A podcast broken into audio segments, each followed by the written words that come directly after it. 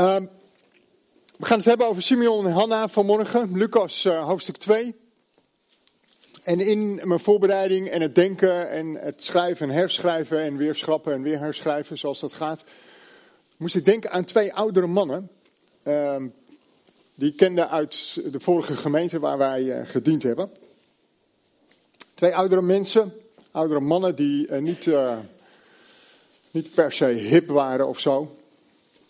Ze zaten niet op de app. Je zou ze zo voorbij kunnen rennen. Ze vielen niet op in, in hoe ze eruit zagen, hoe ze zich kleden of wat dan ook. Maar ze vielen wel op in, in wie ze waren. Het waren twee mannen die vol waren van God. Um, de eerste. De eerste kon niet naar de diensten toekomen vanwege gezondheidsredenen. En dan één keer in de zoveel tijd dan, uh, ging ik bij, uh, bij hem en zijn vrouw thuis langs. En dan vierden we samen avondmaal. En de eerste keer was ik wat verrast, maar uh, naarmate we dat vaker deden, was ik er al op voorbereid dat op het moment dat ik binnenkwam, dan zat hij echt al klaar met zijn Bijbel open en wist hij al welk gedeelte we zouden moeten lezen. Hij, hij, was, hij had zich voorbereid op het, op het vieren van het avondmaal. En dan uh, vroeg ik ook elke keer, nou Jan, wat, uh, wat gaan we lezen vandaag? Wat wil je dat we lezen met elkaar? En zo bereidde hij zich voor op uh, het vieren van het avondmaal. Die andere man hadden wij vaak gebedsavonden bij hem thuis, omdat het in de avond was. En hoefde hij de deur niet uit en dan kon het bij hem thuis. En nou ja, je weet hoe het gaat met gebedsavonden. Dan is er altijd wel eens zoiets van, van een stilte. Soms voelt het zelfs onaangenaam als het wat langer stil is. En dan ging hij bidden. En op het moment dat hij ging bidden, hield iedereen zijn adem in. Om haast nog scherper, nog beter te luisteren wat hij bad. En zo lieten deze beide oudere mannen iets zien van wie God was in hun leven. Ze zijn inmiddels allebei overleden. Ze zijn ruim in de tachtig geworden, allebei. En ik dacht, zij staan voor mij nog scherp in mijn geheugen gegrift als voorbeelden van mensen die vol zijn van God. Mensen die iets van Hem laten zien. Um, en het is zo belangrijk om dat te laten zien.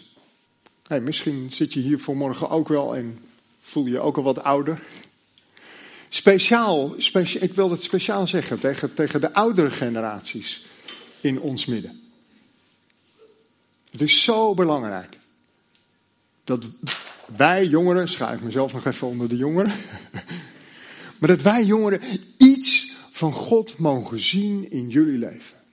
Hoe je volhoudt door met Hem te leven, iets te zien van toewijding, van trouw. Ga ermee door. Laat het ons zien. Alsjeblieft, laat het ons zien. Want wij hebben het nodig. Ik heb het in ieder geval nodig. Dat is zo belangrijk. En ik zei al, we gaan kijken naar Simeon en Hanna. En Simeon en Hanna zijn twee oudere mensen die iets laten zien van God in hun leven. Eigenlijk staat vanmorgen um, het getuigenis van Simeon en het getuigenis van Hanna, die staan centraal. En we lezen twee keer een kort gedeelte uit Lucas hoofdstuk 2. Ik ga zo eerst het gedeelte lezen over Simeon en straks later nog het gedeelte over Hanna. Maar eerst iets over de context van, van dat gebeuren. Je leest dat hele verhaal in Lucas 2, de versen 22 tot en met 40. Dat is iets te veel om allemaal te lezen nu. Maar het verhaal begint dat Jozef en Maria met Jezus naar de tempel gaan. Ze gaan met Jezus naar de tempel om Jezus voor te stellen aan God, om hem toe te wijden aan, aan God, om hem als het ware, zoals ze met opdragen doen, hem terug te geven aan God. En zowel aan het begin van het tekstgedeelte, vers 22 tot 40, als ook aan het einde, keer terug dat het gaat om de wet van de Heer. En Maria en Jozef, die nemen God serieus en die nemen zijn wet serieus. Daar waar het vorige week over Jozef ging en dat Jozef rechtschapen was, een goed mens, tzaddik, God serieus nemen, de wet serieus nemen, laten ze dat nu samen zien. Jozef en Maria. En dan zijn ze met Jezus in de tempel en daar ontmoeten ze twee oudere mensen. Allereerst Simeon. We lezen met elkaar de versen 25 tot 32. Er woonde toen in Jeruzalem een zekere Simeon.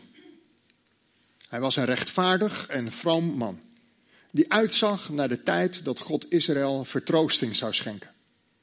En de Heilige Geest rustte op hem. Het was hem door de Heilige Geest geopenbaard dat hij niet zou sterven voordat hij de Messias van de Heer zou hebben gezien. Gedreven door de Geest kwam hij naar de tempel. En toen Jezus' ouders hun kind daar binnenbrachten om met hem te doen wat volgens de wet gebruikelijk is, nam hij het in zijn armen en loofde hij God met de woorden: Nu laat u, Heer, uw dienaar in vrede heen gaan, zoals u hebt beloofd. Want met eigen ogen heb ik de redding gezien die u bewerkt hebt, ten overstaan van alle volken. Een licht dat geopenbaard wordt aan de heidenen en dat tot eer strekt van Israël, uw volk. Van Simeon wordt gezegd, dat hebben we net gelezen, dat hij vroom en rechtvaardig is. En, en vorige week zei ik al, Jozef was rechtvaardig. Jozef was alleen rechtvaardig, zou je kunnen zeggen. Maar over Simeon wordt er nog aan toegevoegd dat hij ook vroom is. Simeons geestelijke leven wordt wat uitgebreider beschreven. Hij is een gelovig man. Hij is toegewijd aan God. En kennelijk stond hij zo bekend. En dan staat er beschreven, hij verwacht de troost van God voor Israël. Gebaseerd op profetieën uit Jesaja. Misschien wel het meest bekende begin van Jesaja, hoofdstuk 40, waar staat troost, troost mijn volk. Eigenlijk kan je zeggen dat het hele tweede gedeelte van het Bijbelboek, Jesaja, de hoofdstukken 40 tot en met 66, gaan over Gods vertroosting voor Israël. Het gaat over de knecht des Heren. Het gaat over de trooster die zou komen. En net zoals Jozef vorige week kent Simeon zijn Bijbel. Ons Oude Testament. En hij ziet uit naar wat God gaat doen. Hij verwacht dat God iets gaat doen. Met verwachting ziet hij uit en hij wacht op verlossing. Hij wacht op vertroosting. Hij wacht op de komst van Jezus. En het bijzondere is dan dat in deze paar versen, misschien viel het je wel op, in deze paar versen die we lazen, dat er tot drie keer toe gesproken wordt over de Heilige Geest. Nu krijgt de Heilige Geest sowieso bovengemiddelde aandacht bij Lucas. Op Paulus na is Lucas de tweede schrijver die het meeste schrijft over de Heilige Geest in het Nieuwe Testament. In zijn evangelie en in het boek Handelingen. Denk aan de verhalen hiervoor. Zacharias die een engel ontmoet in de, in de tempel en voorzegd wordt dat Johannes vol zal zijn van de Heilige Geest. Later bij de lofzang van Zacharias krijgt hij woorden ingegeven door de Heilige Geest en spreekt zijn lofzang uit. Natuurlijk, Maria. Maria is zwanger van de Heilige Geest. Als ze Elisabeth ontmoet, is daar de werking van de Heilige Geest. En ook in Maria's lofzang zijn het woorden die ingegeven worden door de Heilige Geest. En dan nu hier. Simeon. De geest rust op hem. De geest openbaart hem. En de geest leidt hem. Het zegt iets over wie Simeon is. Oprecht gelovig. Uitzien naar de komst van de Messias en vol van de Heilige Geest. Dit is zijn getuigenis. Zo stond hij bekend.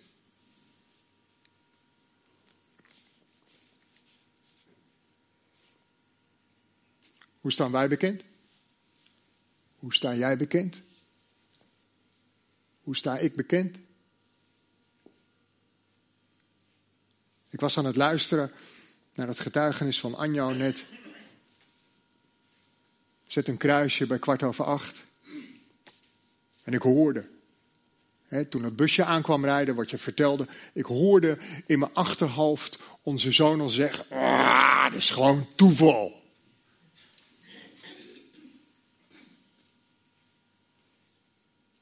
Hoe weet je nou of het geen toeval is of dat het van God is? Hoe moeilijk is dat? Of misschien ook wel, hoe makkelijk is dat? Als je, zoals Simeon, doorvrocht bent in het woord van God. En je kent het woord van God. En je kent zijn belofte. En je weet wat er in grote lijnen staat te gebeuren en gaat te gebeuren. En je bent vol verwachting. En je bent dan daarnaast ook nog eens vol van de Heilige Geest. Dan, dan weet je gewoon of het van God is of niet.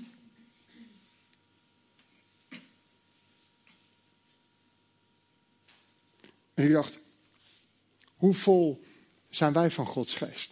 Hoe vol ben jij, hoe vol ben ik van Gods geest?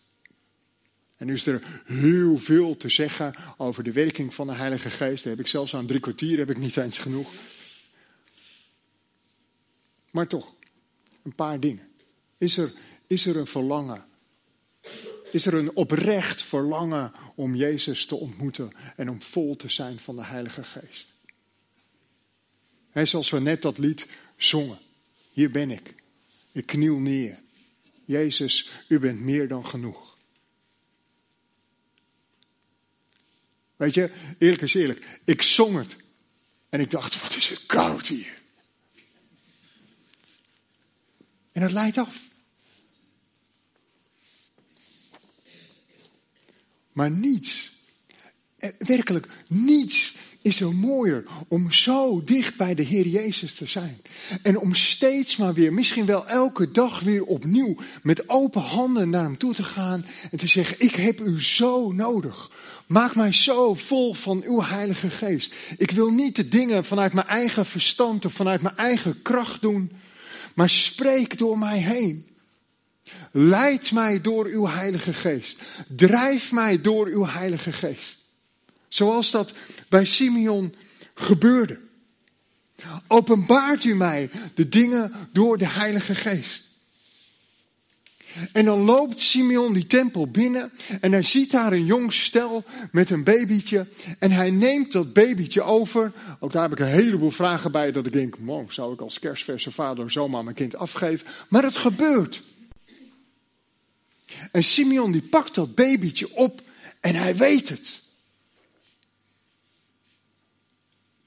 Ah, toeval. Nee, hij weet het. Dit is het. Dit is de verlosser. En hij begint te spreken. Eerst het persoonlijke aspect wat opvalt in zijn bewoordingen, in zijn spreken. Hij refereert aan de belofte van God. Dat hij niet zou overlijden voordat hij de Messias zou zien. Hoe kun je dat nou weten? Het is gewoon een babytje. Er komen zoveel mensen in de tempel. Hoe, wat? Hij weet het. Hij weet het. Naar mijn overtuiging, door de leiding van de Heilige Geest. En hij zegt, het is goed. Vrede. Laat me maar gaan. Dit is de Messias. Dit is degene die we verwachten. De Verlosser. Nu kan ik in vrede sterven. Hij getuigt van het persoonlijke aspect daarin. En vervolgens, wat hij uitspreekt, is revolutionair. Hij spreekt namelijk over redding voor alle volken. Dus daar waar hij de vertroosting van Israël verwacht, spreekt hij over redding voor alle volken. En hij houdt dat babytje in zijn handen. En hij zegt, het gaat om redding voor alle volken. En die redding, die betekent licht voor de heidenen, de niet-Joden. En het betekent eer voor Israël. Licht. Licht voor de niet-Joden. In het Johannesevangelie zegt Jezus over zichzelf in de tweede ik ben uitspraak. Ik ben het licht voor de wereld. Licht is een beeld wat regelmatig terugkeert in de Bijbel. En wat in deze adventstijd maar wat vaak gebruikt wordt. Licht in de donkere dagen. Licht in de duisternis. En het beeld van licht is diepgaand. Licht dringt door in de duisternis. In de duisternis van deze wereld, in de duisternis misschien wel van je eigen leven. Licht dringt door. En Jezus zegt dan in het verlengde daarvan: Wie mij volgt, loopt nooit meer in de duisternis. Jezus' komst betekent redding voor alle volken. Licht voor de niet-Joden.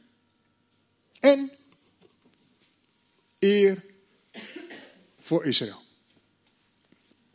En die eer voor Israël gaat ook terug op Jesaja. En wat daar al voorzegd is, dat de verlossing uit Israël zou komen. En dat dat aandacht van alle volken voor Israël zou betekenen. De aandacht van alle volken zou naar Israël uitgaan. Dat betekent dat als we het over Jezus hebben, dat we het ook bijna automatisch over Israël hebben. Want God heeft Israël uitgekozen. En vanuit Israël is Jezus geboren. Dat is het getuigenis van Simeon. Het getuigenis over wie hij is en in wat hij zegt. Hij stond bekend als vroom en rechtvaardig, vol van de Heilige Geest. En hij spreekt over Jezus als een licht voor de niet-Joden en eer voor Israël. Met eigen ogen heeft hij de Messias gezien. En als we dan kijken naar Hanna, dan kunnen we zo'nzelfde soort patroon ontdekken. In wie zij is en wat ze zegt. De versen 36 tot en met 38. Er was daar ook een profetes, Hanna, de dochter van Fanuel uit de stam Azer. Ze was hoogbejaard. Vanaf haar huwbare leeftijd had ze zeven jaar met haar man geleefd. En ze was nu al 84 jaar weduw.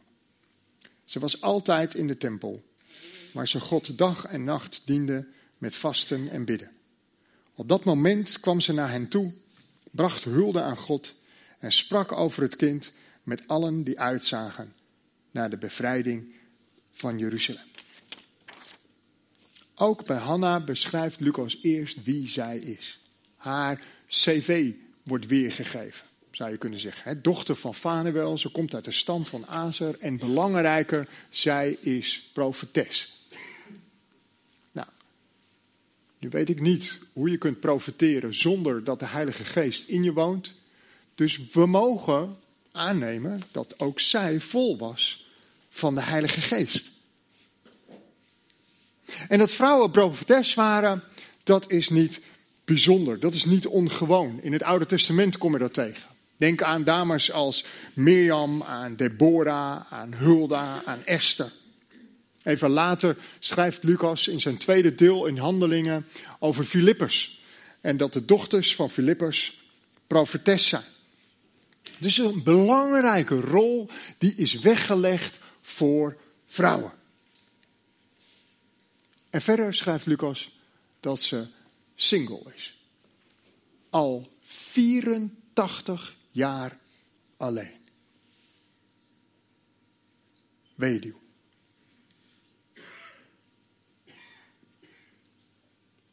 Misschien eens laten bezinken. Ze was zeven jaar getrouwd geweest. Laten we voor het gemak aannemen dat ze 13 was. 13, 14 was de gangbare leeftijd. Ze 13 is, zeven jaar getrouwd, is op haar twintigste weduwe geworden. En vervolgens is ze 84 jaar lang single. Alleen. En om iets van haar gelovigheid weer te geven, schrijft Lucas dat ze altijd in de tempel is. Dat ze dag en nacht aan het vasten en aan het bidden is. Nou, is dat lichtelijk overdreven, denk ik. Want als je altijd daar bent en als je altijd bidt en vast, nou, dan hou je niet 84 jaar lang vol. Maar Lucas wil aangeven, wil, oh, Lucas wil iets aangeven van de gelovigheid van Hanna. net zoals Simeon, staat zij bekend als een diep gelovige vrouw. En is ze daar, in die tempel aanwezig. Hanna is een vrouw naar Gods hart.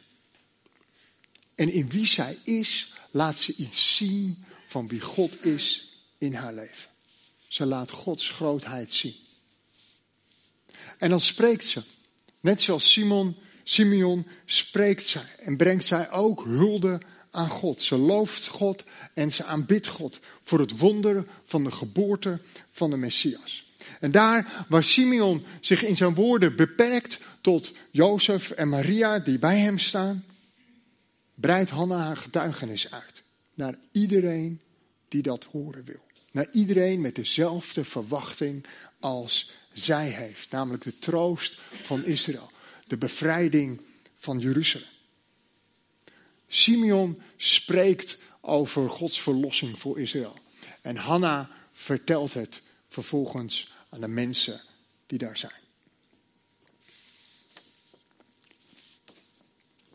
Samen wachten we op de komst van Jezus. En tijdens dit wachten hoeven we ons niet te vervelen.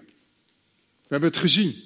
Een paar weken terug. We hebben gezien dat Jacobus ons oproept om geduld te hebben. En niet alleen om geduld te hebben in het wachten op de komst. Maar dat Jacobus zegt van klaag niet over elkaar.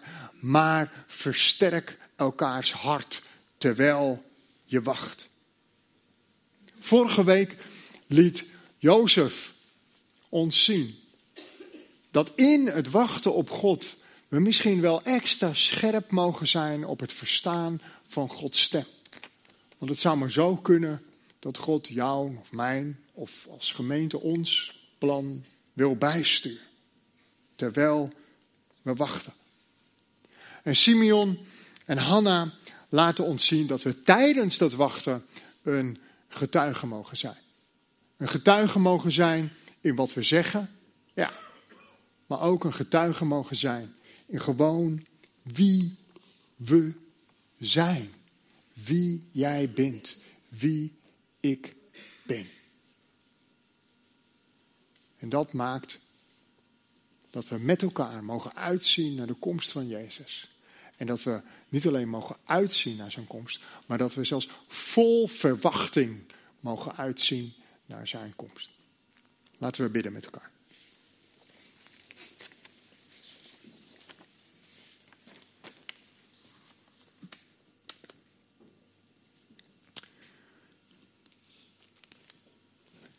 Vader in de hemel, dank u wel dat u mensen geeft in ons leven die vol zijn van u.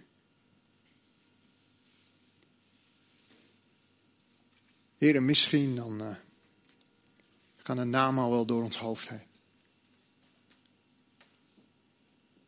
Vader, op dit moment wil ik u bidden dat we zelf ook zulke mensen mogen zijn. Zoals Simeon dat was. Zoals Hanna dat was. Een levend getuige van wie, wie u bent. Heer, en dan bidden we met elkaar en voor elkaar. Dat we elke dag weer opnieuw vol mogen zijn van uw Heilige Geest. Dat u elke dag weer opnieuw het verlangen in ons leven zult aanwakkeren om dicht bij u te zijn, om dicht met u te leven. En dat dat genoeg is. Vader, zegen ons zo. Leid ons daarin. En gebruik ons. Gebruik ons in uw machtige plan van verlossing. In Jezus' naam bidden we dat. Amen.